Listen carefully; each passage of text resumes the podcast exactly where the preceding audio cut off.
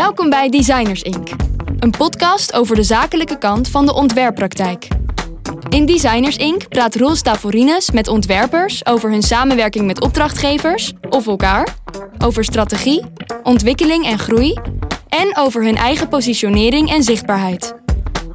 Kortom, Designers Inc. is een podcast voor de ondernemende ontwerper die vooruit wil.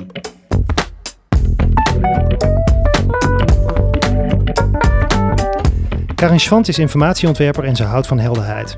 Helderheid is belangrijk, want als je goed geïnformeerd bent, dan neem je betere beslissingen. Snelheid zit in haar DNA, maar voor een snelle ontwerpoplossing moet je niet bij Karin zijn. Ze werkt liever samen als partners op een strategisch niveau en met wisselende teams aan oplossingen op maat. Dan kun je misschien iets minder doen, maar het wordt er wel beter van.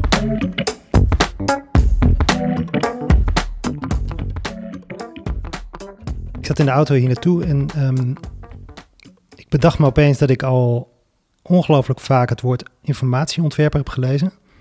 Dat ik eigenlijk helemaal niet zo goed weet, wat doet een informatieontwerper? Nou, je bent sowieso niet de enige. Ik heb ooit een accountant gehad en die dacht dat ik uh, van die lichtkranten maakte. Die als je zo'n dorp binnenrijdt, dan zo'n schoolbord met uh, rode LED-lampjes.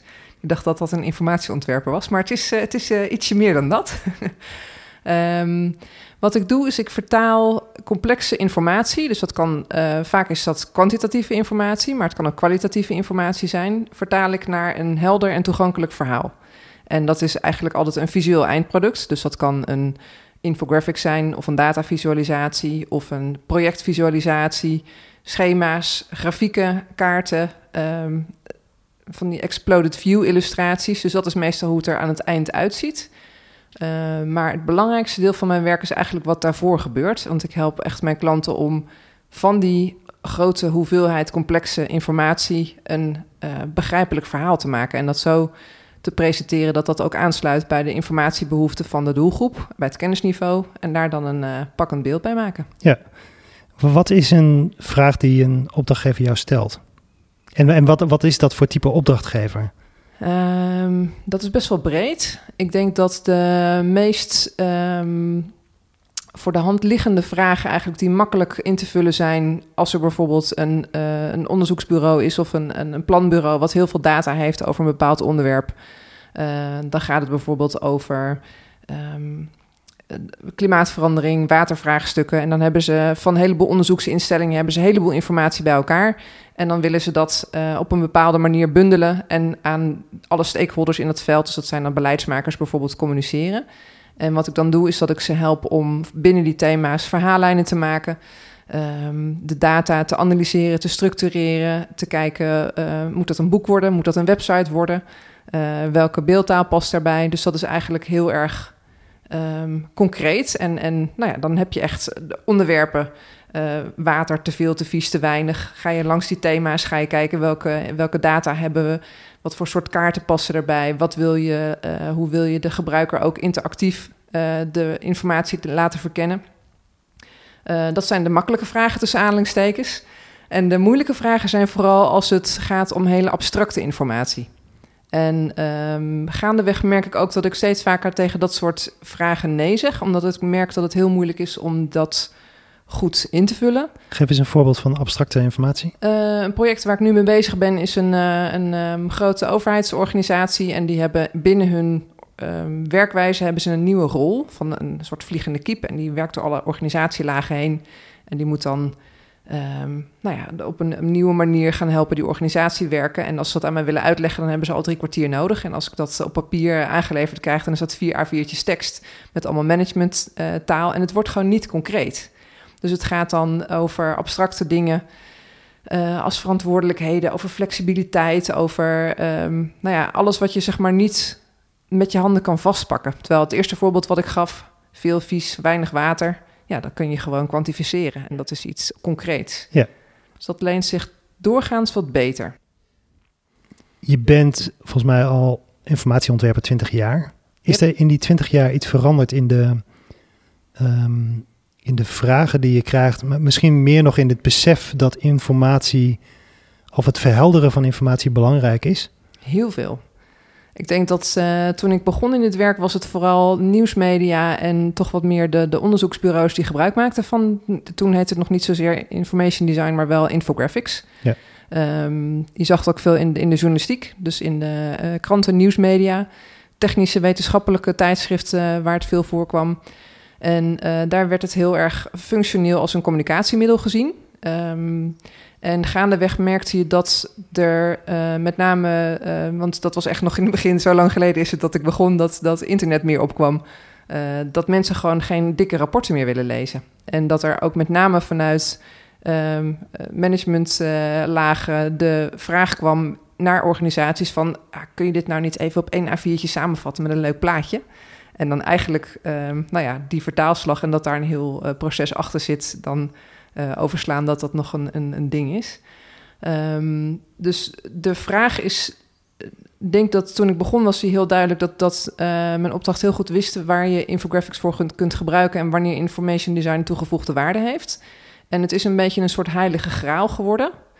Waarmee mensen denken van, oh weet je, als het heel ingewikkeld is, of het is echt superveel tekst, ah, dan huren we gewoon Karin in, of hè, een Karin, om dan uh, te helpen om dat hele dikke rapport even in een... Uh, dat je namelijk, ik heb ik zo'n laadje met een toverstafje en dan zwaai ik daar even mee en dan uh, is het in één keer één A4'tje met een supermooi, supermooi plaatje. En iedereen die snapt het dan meteen.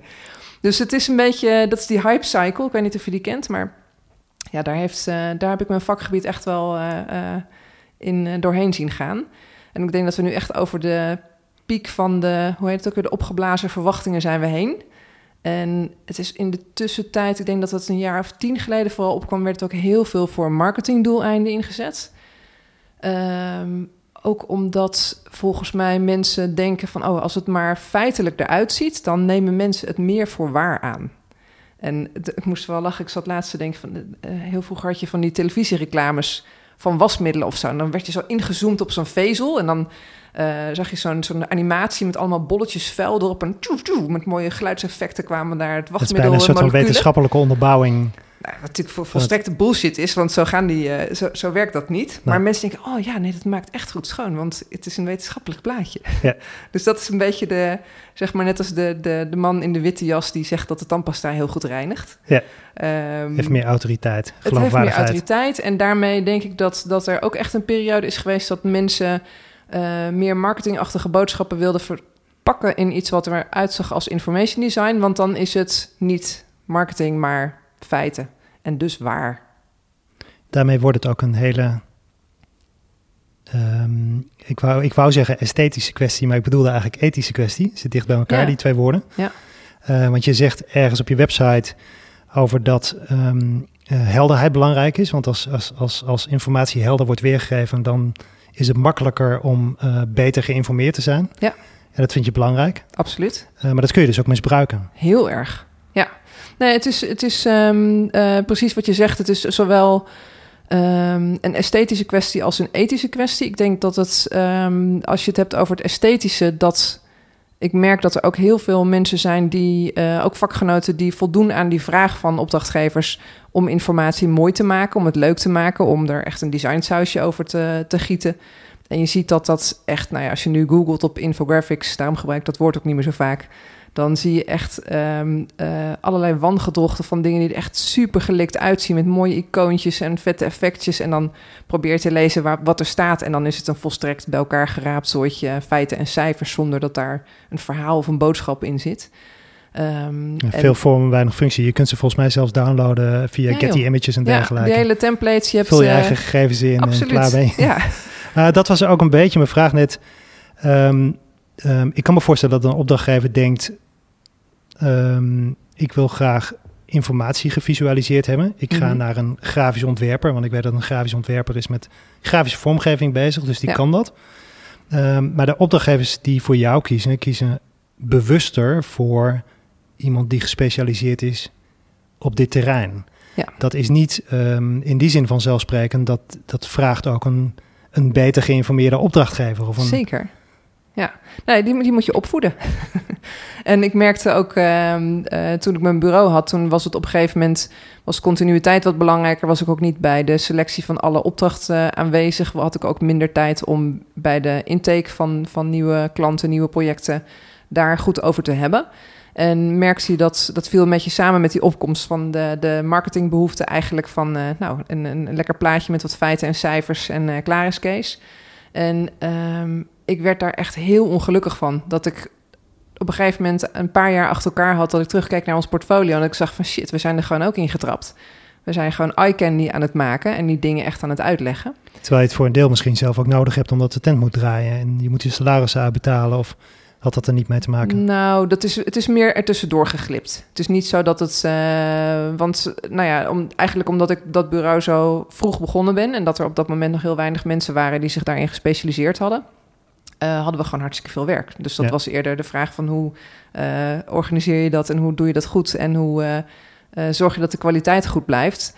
Ja, en als klanten met toch niet echt hele zuivere vragen komen. Vaak helemaal niet met kwade intenties hoor. Die, die willen gewoon een mooi plaatje en dat uh, kan je ze ook niet kwalijk nemen. Maar dat is niet waar ik denk waar uh, mijn toegevoegde waarde ligt.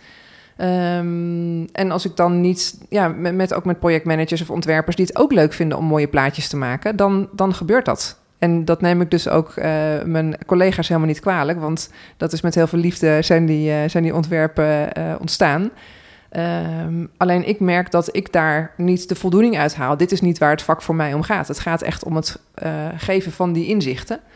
En um, ja, daar heb ik nu bijvoorbeeld op mijn website ook heel uh, uh, actief op. Communiceer ik heel actief op. Ik zeg letterlijk: als je op zoek bent naar een quick fix, dan ben ik niet degene bij wie je terechtkomt. Ja. Dus ja, ik denk dat het misschien dat het eigenlijk wel voor een heleboel ontwerpdisciplines zo geldt. Als je kijkt naar, naar uh, visuele identiteit, een bedrijf wat zegt: Doe mij een logo. Ja, hoe lang ben je ermee bezig? Laat het dus een week zijn. Hier heb je een paar duizend euro, uh, maak een mooi plaatje. Nou ja, dat hoef ik jou niet uit te leggen. Dan, je weet dat er gewoon een hele uh, strategische kant bij zit. En dat je pas een goed antwoord kan geven op de vraag van je opdrachtgever. als je die vraag echt goed begrijpt. En als je ook zorgt dat je die klant helpt om die vraag uh, helder te krijgen. Dus daar begint het eigenlijk al. Ja, dus je, eigenlijk je core competentie zit hem helemaal niet in het visualiseren. Uh, ook, maar eigenlijk veel meer in de analyse voorafgaand. Absoluut, en de, ja. en, de, en de vragen die je aan je klant stelt. En... Het is letterlijk 80% van het werk wat ik doe, is het analyseren en structureren van informatie. En dat ook nog eens spiegelen aan wat is nou eigenlijk de, het communicatiedoel en wat is de informatiebehoefte van je ontvanger. Ja, is dat iets waar je in opgeleid wordt? Want je hebt Um, wat heb je gestudeerd eigenlijk? Ja, niks. heb je helemaal niks gestudeerd? Nee, nee, echt niet. En dan kun je gewoon een carrière hebben. Ja, ja niet iedereen, maar ik wel. nee, het is... Uh... Wat had jij dat, een, uh, dat het um, niet nodig maakte om een opleiding te hebben? Nou, um, ik begon vrij ambitieus op de kleuterschool. Wist ik al dat ik ontwerper wilde worden, of tekenaar noemde ik dat toen. En ik ben eigenlijk... Uh, uh, in de brugklas VWO. Maar toen was je niet met analyse bezig, toen was je toch met die nee, vorm nee. bezig. Ja, precies. Een mooie plaatjes maken, daar begint het toch bij. en um, um, nee, eigenlijk al helemaal van jongs af aan met een doel van ik ga naar de kunstacademie. En dat, heb ik, uh, dat pad heb ik zo uh, intensief bewandeld dat ik veel te jong was toen ik klaar was voor de academie. Ik had middelbare school met nog, nog van die voorbereidende dingen van de academie erbij gedaan. Dus ik stond met mijn mapje onder de arm bij, uh, bij vier academies. En uh, bij vier academies zeiden ze: Wow, jij hebt je echt wel goed voorbereid. Je bent heel welkom, maar je bent pas 16, dus ga eerst nog maar twee jaar wat anders doen. en um, ja, om eerlijk te zijn, ik had daar zo al naartoe gewerkt. Ik had helemaal geen zin om te gaan backpacken of uh, weet ik het in de supermarkt en van een klautenbaantje te gaan doen. En um, iemand tipte me toen van, nou ja, je kan ook naar het grafisch lyceum gaan. Dan kun je uh, gewoon een beetje leren photoshoppen en dat soort uh, praktische skills. Dus dat ben ik gaan doen. Maar um, dat was gewoon echt ja, ver beneden mijn niveau. Het, uh, in de zin van dat je nog wiskunde en, en Nederlands hebt op mbo-niveau. Terwijl ik net met vlaggenwimpel mijn eindexamen Nederlands met een 9 had afgesloten. Dat was niet uitdagend. Ik heb vooral in de kroeg gezeten. Dus dat grafisch lyceum, dat was meer een beetje, een beetje aanklooien eigenlijk. En nou ja, het idee om daarna nog naar de academie te gaan. Ja, het enige wat ik op het grafisch lyceum echt uh, uh, heb ontdekt... is dat ik via mijn stage bij een, uh, bij een weekblad met infographics in aanraking kwam. En het was gewoon echt voor mij in één slag duidelijk van... dit is precies wat ik super vet vind. En, hoe, hoe herken je dat? Nou, ik, ben, ik denk wat als je vraagt van wat maakt een goede uh, ont, uh, informatieontwerper, dan heeft dat heel erg met die nieuwsgierigheid te maken. En dingen willen snappen en willen structureren. En ik denk dat het een soort basismanier is hoe ik naar de wereld kijk. Als ik dingen niet begrijp, dan wil ik puzzeltjes gaan oplossen. En dan, ja, dan, dan gaat het om proberen de rode draad te vinden en de bijzaken weg te laten. En zo begrijp ik eigenlijk al van kinds af aan kijk ik naar de wereld. En ik vind dat een grappige, grappige, combinatie, omdat je, omdat je net zei dat je als kleuter eigenlijk al wist dat je ontwerper wilde worden. En ontwer dat, dat, dat zal toch ook een beetje over het esthetische zijn gegaan. Terwijl eigenlijk wat je nu beschrijft veel meer die nieuwsgierigheid was een opleiding sociale geografie misschien veel meer voor de hand liggend. Of, uh...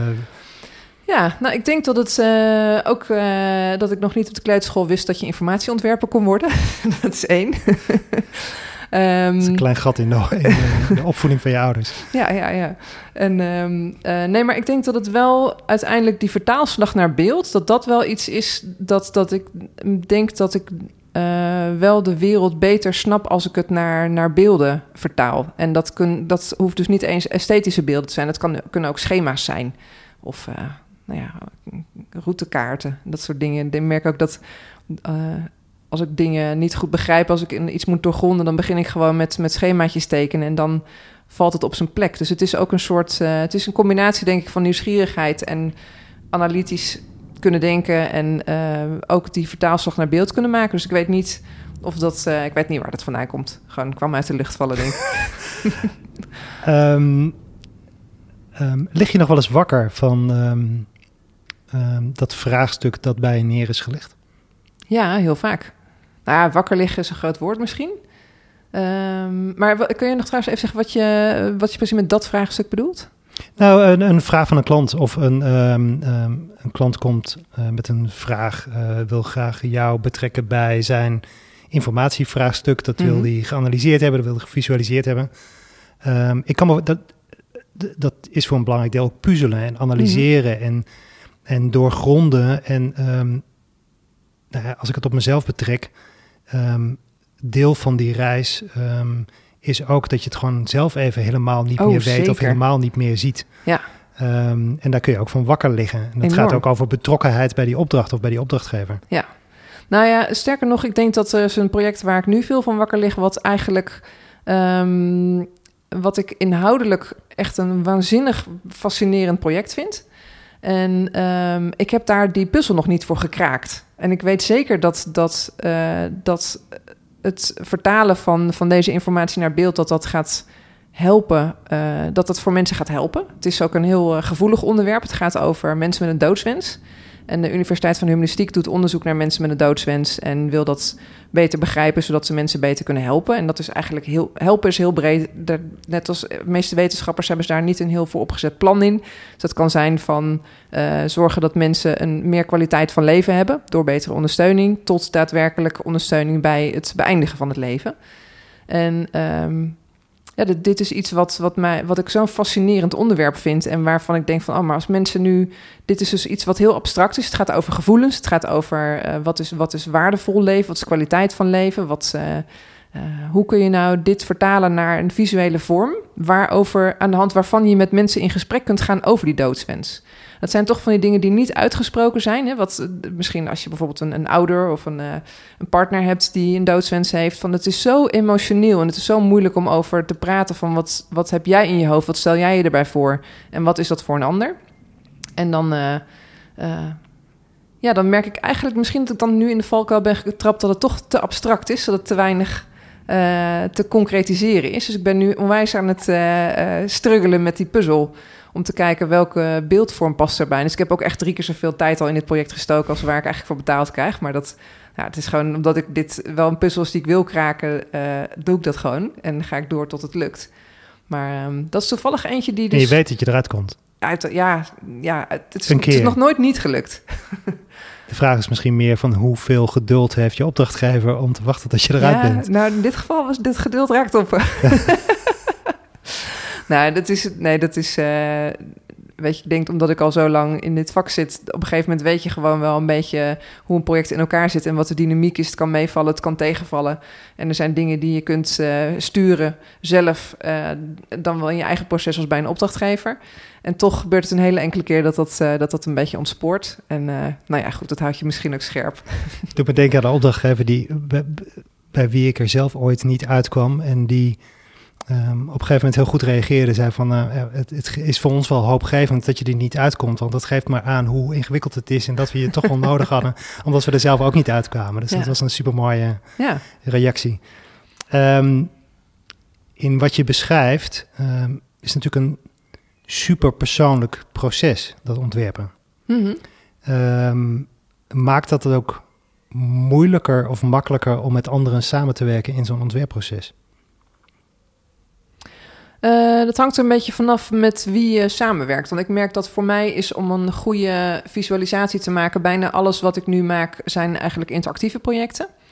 En ik geloof echt heilig dat, er een, een, een dat je drie ingrediënten nodig hebt om een succesvolle uh, infographic, datavisualisatie, uh, information design product te maken. En dat is vorm, inhoud en techniek.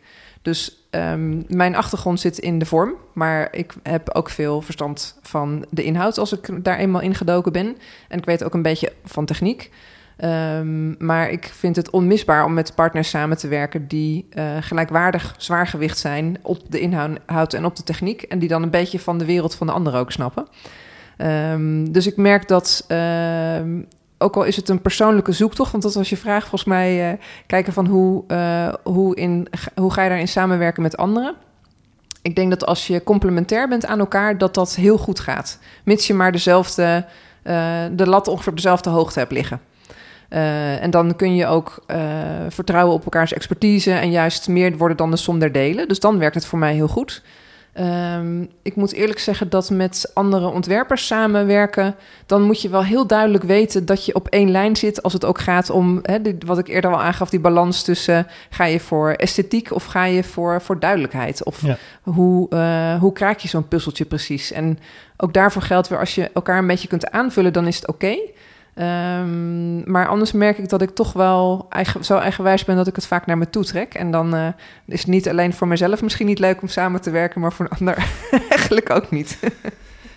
je, hebt, uh, je werkt nu alweer een uh, aantal jaren alleen, um, of in ieder geval zelfstandig, um, al dan niet met anderen samen. je hebt ook je eigen bureau gehad. Mm -hmm. Wat mis je het meest uit die tijd dat je het bureau had? Um, nou ja, grappig genoeg. Enerzijds, ik denk altijd dat ik heel, heel makkelijk en goed alleen kan zijn. Ik uh, verveel me niet snel. Maar toch het, uh, het gevoel dat je, een beetje het familiegevoel, dat je samen aan iets bouwt en dat je een, een gedeelde stip op de horizon hebt waar je samen naartoe werkt. En daarin ook alle gewoon menselijke interactie daaromheen. Dat, uh, dat mis ik toch wel. Dat is echt, dat denk ik met heel warme gevoelens terug aan mijn, naar mijn oude team en mijn oude bureau.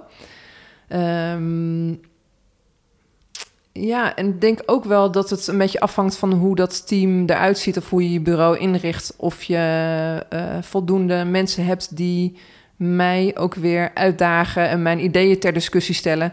Ik merk nu wat ik net vertelde, als ik in die driehoek met vorm, inhoud en techniek zit, dat het dan ook wel eens gebeurt dat ik degene ben die het meest van, van information design weet.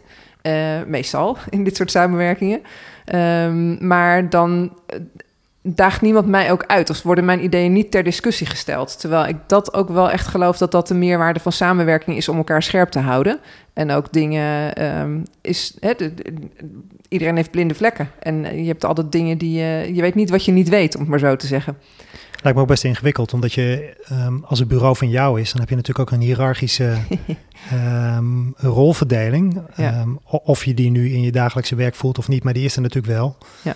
En ik kan me voorstellen dat het ook mensen in de weg staat om, om, om dat weerwoord te geven, of die spiegel te zijn, of dat klankwoord te. Denk je dat mensen bang voor mij zijn? ik denk het wel, ja. nee, ik denk dat. Um, uh, nee, dat, dat, is een grapje, maar ik, um, daarin verschillen mensen natuurlijk van ja. elkaar. En um, een bureau. Ik moest net even toen je daarover praatte, denken aan wat ik zelf altijd fascinerend vind: dat je een huis koopt. Dat heb jij nog niet zo lang geleden ook gedaan. En um, het is het is ook een zekere mate van toevalligheid waar je terecht komt. Dat Mhm. huis moet maar net te koop staan en het moet maar net bij jou passen en je moet het beste bod doen. En, Ja. nou, dat moet allemaal maar doorgaan. En dan, heb, dan zit je opeens in die buurt, in dat huis, met allemaal buren. En dat had je van tevoren niet zo kunnen voorzien. En dat is bij een bureau ook een beetje. ehm, want je hebt, eh, je hebt 15 medewerkers. Ja. Dat is best wel eh, wat. Ehm, ja, je, hebt, je begint natuurlijk niet met een plan van ik ga 15 mensen bij elkaar brengen die allemaal op de een of andere manier complementair zijn in hun rol ehm, die ze hebben binnen dat bureau. Nee. Dus dat ontstaat ook een beetje. Ja, het is een levend organisme. Het is echt iets wat je ook eh, wat je hele, wat je maar tot op zekere hoogte kunt sturen. En het mooie vind ik ook dat je eh, los van de eh, vakinhoudelijke dynamiek en hè, dat kan je een beetje sturen in de zin van wat voor eh, rollen heb je in je team, welke creatieve disciplines vul je in het bureau in, wat trek je van daarbuiten aan. Maar daarnaast heb je gewoon ook het menselijke aspect en de nou ja, mensen die, die heel eh, introvert zijn of die heel extravert zijn. Mensen die heel erg innovatief zijn. Anderen die lekker in hun comfortzone zitten. En dus die, dat het ook mensen zijn die niet alleen op mij reageren, maar ook op elkaar. Ja, de illusie dat je dat kan sturen, die heb ik al vrij snel losgelaten. Dus het, eh, ja, het gaat er dan meer om, om eh, de randvoorwaarden te creëren, waaronder je de men, eigenlijk de kwaliteiten die je zoekt in een bureau, om die zo goed mogelijk te laten bloeien. Dus dat je zorgt dat je, nou ja, in, het geval, ik vond bijvoorbeeld belangrijk om ehm, ook vernieuwende projecten te maken. Dat je ook zorgt dat, dat de mensen die daar goed in zijn ook echt de ruimte krijgen. En daarin mensen ook eh, kunnen enthousiasmeren die misschien uit zichzelf wat minder snel de grenzen zouden opzoeken. Eh, om die daarin mee te nemen. Dus het is, het is een beetje faciliteren, dat kun je doen. En verder is het ook vooral ehm, eh, gewoon go with the flow. Gewoon het, ook, het, is een, het is een soort chemisch procesje. En ehm, ik denk dat, je, dat het misschien wel uitmaakt op het moment dat je daar heel erg actief intern op gaat sturen, dat dat misschien wel eh, beter kan dan dat het bij mij gelukt is. Ehm, maar ik denk dat veel eigenaren van bureaus ook duo's zijn die iets starten. Dus dan heb je altijd iemand die wat meer de, de binnen, eh, de interne zaken regelt en wat meer de externe. Of de ene wat meer op het creatief en de ander wat dienst meer op het... de eh, buitendienst. ja, de binnendienst en de buitendienst, zo moet ik zeggen. Met zo'n mooi mapje met een ja. rits. Ja, precies. Ehm, nee, maar dan kun je die taken een beetje verdelen. En ik denk dat dat ehm, een van de dingen ook wel is waarvan ik merkte dat ik op een gegeven moment niet meer alles eh, zo goed kon doen als ik ze wilde doen. Omdat ik al die taken ehm, zelf deed. En niet omdat ik dat per se wilde, maar ook dat het me dat niet goed lukte om daar een andere invulling voor te geven. Dus dat betekende dat ik zowel met nieuw business bezig was als met eh, de, de, de strategische en creatieve eh, begin van projecten. Eh, dan een beetje vanaf de zijlijn af en toe meekijken bij de realisatie. Dan natuurlijk nog de, de, gewoon de ontwikkeling van het team. vakinhoudelijke ontwikkeling, zichtbaarheid. Nou, er komt gewoon heel veel bij kijken. En dat zijn allemaal dingen die ik ook echt wel heel leuk vind. Eh, maar terugkijkend denk ik dat het misschien dat ik het ehm, anders had gedaan of beter had gedaan als ik minder dingen allemaal zelf wilde doen. Ehm, was het makkelijk voor opdrachtgevers om te accepteren dat ze met anderen werkten? Of eh, was er, speelde dat überhaupt een rol? Hmm, Dat varieerde heel erg per klant. Ik denk dat dat, ja, dat zijn, klanten zijn ook mensen.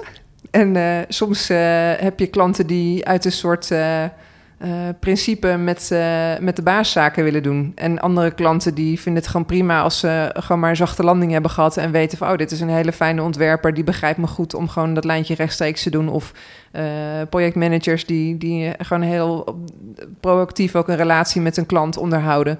En ehm, ja, ik denk dat het leuke juist van het type opdrachtgevers waar ik voor werk, dat is heel breed. Het gaat van, van, van ministeries tot grote corporate multinationals tot ehm, kleine eh, onderzoeksbureautjes en alles wat ertussen zit. En uiteindelijk maakt het eigenlijk niet eens zozeer uit de sector of de ehm, type organisatie, maar meer de persoon waar je mee te maken hebt. En ehm, het is wel grappig, want je had over mijn naam. En, zoals je weet is het een, een Duitse naam. En ik heb ooit ben ik eens benaderd door een, een bureau wat meer samenwerking tussen Duitsland en Nederland wilde uh, stimuleren. Of zo was een heel vage intentie ook.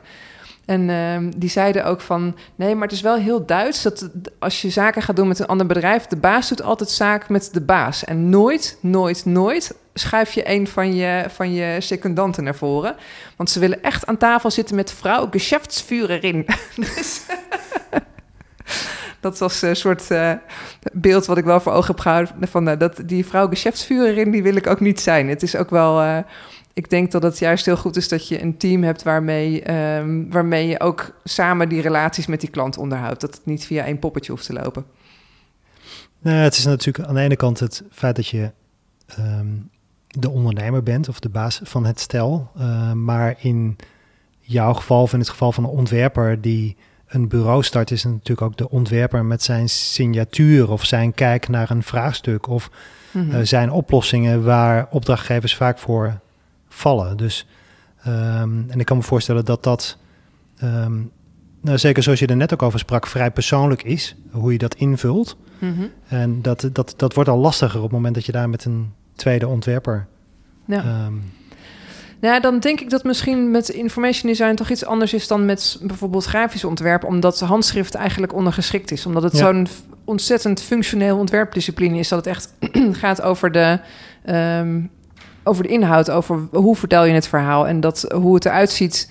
Um, dat moet altijd dienend zijn aan, aan de boodschap die je wil vertellen. Dus daarin denk ik hooguit dat het. Um, uh, nou ja, de, als, als ik met andere ontwerpers samenwerk die datzelfde, uh, die daar net zo over denken, dan, dan, hoeft, dan is die signatuur geen probleem. Dus, het is wel grappig, klanten zeggen wel eens van, oh, ik zag meteen uh, dat als iets voorbij zagen komen dat het werk van jou was. Terwijl ik denk, nou, dat is echt zo anders dan wat ik voor, je, voor jullie heb gemaakt. heb je wel een mening over hoe het eruit moet zien?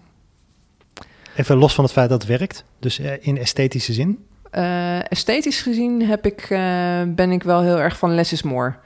En dat is gewoon een kwestie van smaak, denk ik. Ja, dat niet is ook helemaal. een soort van functioneel eigenlijk. Ja. Weglaten wat nee, je... want ik denk dat je... Dat, ja, het is, het is functioneel. Uh, maar ik denk dat het... Um, nou ja, als je heel veel dingen uh, weglaat... en datgene wat overblijft... dat, dat des te belangrijker is het dat dat klopt.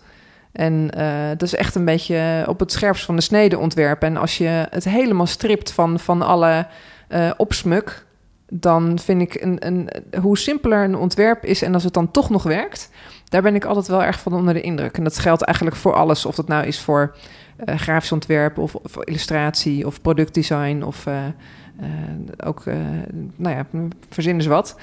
Um, dat je eigenlijk vrij snel voelt of het klopt of niet. En um, dat is als er heel veel dingen, als er heel hele kermis omheen is, dan heb ik wel eens het idee van: hé, hey, wat zit je hier nou te verdoezelen? Terwijl als dingen heel simpel zijn en toch werken, dat vind ik gewoon vind ik echt geweldig. Heb je, we komen toch weer een beetje ook, ook op dat ethische van uh, de, um, ben je iets aan het verdoezelen? Um, -hmm. Ik denk aan een ontwerper die mij ooit een jaarverslag liet zien waarin hij gevraagd was om die cijfers zo te visualiseren dat het wel meeviel, mee leek te vielen, vallen met de, met de resultaten van de onderneming.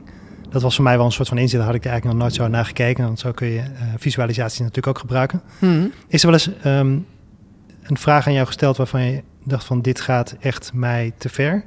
Ja, absoluut. Dat wil ik niet doen. Ja, nou ja, ik denk dat het. Uh, ik weet even niet meer wat het gezegd in het Engels is, maar je hebt zoiets van: je hebt, uh, je hebt leugens en je hebt uh, statistics. Dus het, je kan. Dat is, dat is ook het lastige natuurlijk. Um, als je zegt dan we presenteren feiten en cijfers. En ik denk dat dat in deze tijd meer dan ooit relevant is, waarin mensen ook over fake nieuws hebben. Het is maar net wat je. Het is maar net welke feiten je presenteert en, en welke cijfers je eruit ligt en welke context je daaraan geeft. En ik heb al lang niet meer de illusie dat de objectieve waarheid bestaat. Alleen je kunt er wel naar streven om, om een, zo een zo objectief mogelijk beeld te, te geven. Um, en um, ik heb inderdaad wel eens meegemaakt, dat was notabene bij een, eh, een NGO, zo'n uh, zo'n organisatie die uh, echt kindjes in Afrika helpt. En die hadden een, een jaarverslag en die, die bleven maar terugkomen met Nee, dit is, is wel de cijfers die we hebben aangeleverd. Maar we hebben nog even gekeken. We hebben, nieuw, we hebben nieuwe cijfers. Hier kun je dit grafiekje toch nog even aanpassen. Oh ja, nee, we maken niet de kaart van uh, uitsneden met deze regio, maar pakken die regio er ook bij. Dat je dan echt voelde van, oh man, hier wordt gewoon zo gemanipuleerd. En ik, ik ben er echt, echt allergisch voor. Juist omdat het zo om de inhoud gaat. Als je dat gaat lopen piepelen. Wat heb je ermee gedaan? Volgens mij hebben we het uh, toen heb ik heel veel moeilijke gesprekken gevoerd daarover. En uiteindelijk was, het, uh, was er gewoon een publicatiedatum, deadline. En um, uh, heb ik het nou ja, met, met knarsende tanden afgemaakt, ingeleverd en gezegd dat ik nooit meer met ze wilde werken. ja, je, je kan op zo'n moment ook niet zo gek veel aan doen. En ik ben ook niet naïef, de wereld zit zo in elkaar. En Ik vind het wel aardig van ze dat ze de data manipuleren in plaats van dat ze jou vragen om iets anders te visualiseren. ja, ja, Ze hebben het wel bij zichzelf gezocht. ja, ja. Het zou nog erger zijn. Waarschijnlijk hadden ze lang door dat ik me niet voor dat karretje ging laten spannen. Laatste vraag. Wat, ehm, ehm, je kunt 20 jaar terugkijken. Misschien wel iets meer. Ehm, je hebt een eigen bureau gehad. Je werkt nu voor jezelf. Is er iets wat je anders gedaan zou willen hebben... of wat je geweten zou willen hebben in het verleden? Ehm, nou ja, misschien wel waar we het net over hadden, dat ik ehm, denk dat het runnen van een bureau is iets wat ik wel ehm, ontzettend leuk vond. En waarin ik merkte van je kunt samen wel een stuk verder komen. Alleen dat ik misschien eerder dingen qua samenwerking anders had ingericht. Eh, zodat ik me meer op een paar dingen kon focussen waar ik goed in ben. En andere dingen aan andere mensen kon overlaten waar, die, waar zij goed in zijn. Ehm, ja, en verder heb ik eigenlijk van niet zoveel dingen. Nee, ik heb eigenlijk van niet zoveel dingen spijt. Het gaat ook zoals het gaat. En je zit op een bepaalde fase zit je in een, in een situatie. En ehm, ik denk altijd behoorlijk goed over dingen na. Ik ben niet zo van de impulsieve beslissingen. En ehm, ja, misschien dat ik met de kennis van nu dingen anders zou hebben gedaan. Maar met de kennis van toen heb ik denk ik de goede beslissing genomen. En het. eh, ja, ik moet zeggen dat het, het blijft eh, gewoon een, een, waanzinnig mooi vak wat, wat zich blijft ontwikkelen. Eh, wat ook met information design in de wereld, eh, in, in, in media steeds een belangrijke rol blijft spelen, denk ik. Ehm, dus er is zowel vakinhoudelijk is er nog waanzinnig veel te ontwikkelen, maar ik geloof ook dat er zakelijk, ik merk toch dat het, het, het ondernemen ervan, dat is ook iets wat me heel erg aanspreekt. Eh, dat blijft ook wel kriebelen. Dus ja, zoals je al zei, ik werk nu zelfstandig, maar ik ben wel eh, eigenlijk doorlopend aan het verkennen of er nog andere samenwerkingsvormen mogelijk zijn. ehm, waardoor ik nou ja, verder kan komen en met, eh, met dit mooie vak nog meer toffe dingen kan doen. En waarschijnlijk blijft dat tot je 67ste. Die Ja, toch iets van dan ga ik nog niet stoppen ook hoor. Dankjewel voor dit gesprek. Jij ook. Dit was Designers Inc. Een podcast voor de ondernemende ontwerper die vooruit wil. Wil je reageren of heb je suggesties? Laat het ons weten via info@designersinc.nl. En volg ons op Spotify, zodat andere ontwerpers ons ook kunnen vinden. Wil je meer weten over de zakelijke kant van ontwerpen of zoek je ondersteuning bij je ontwerppraktijk? Kijk dan op bno.nl of bel met onze adviseurs.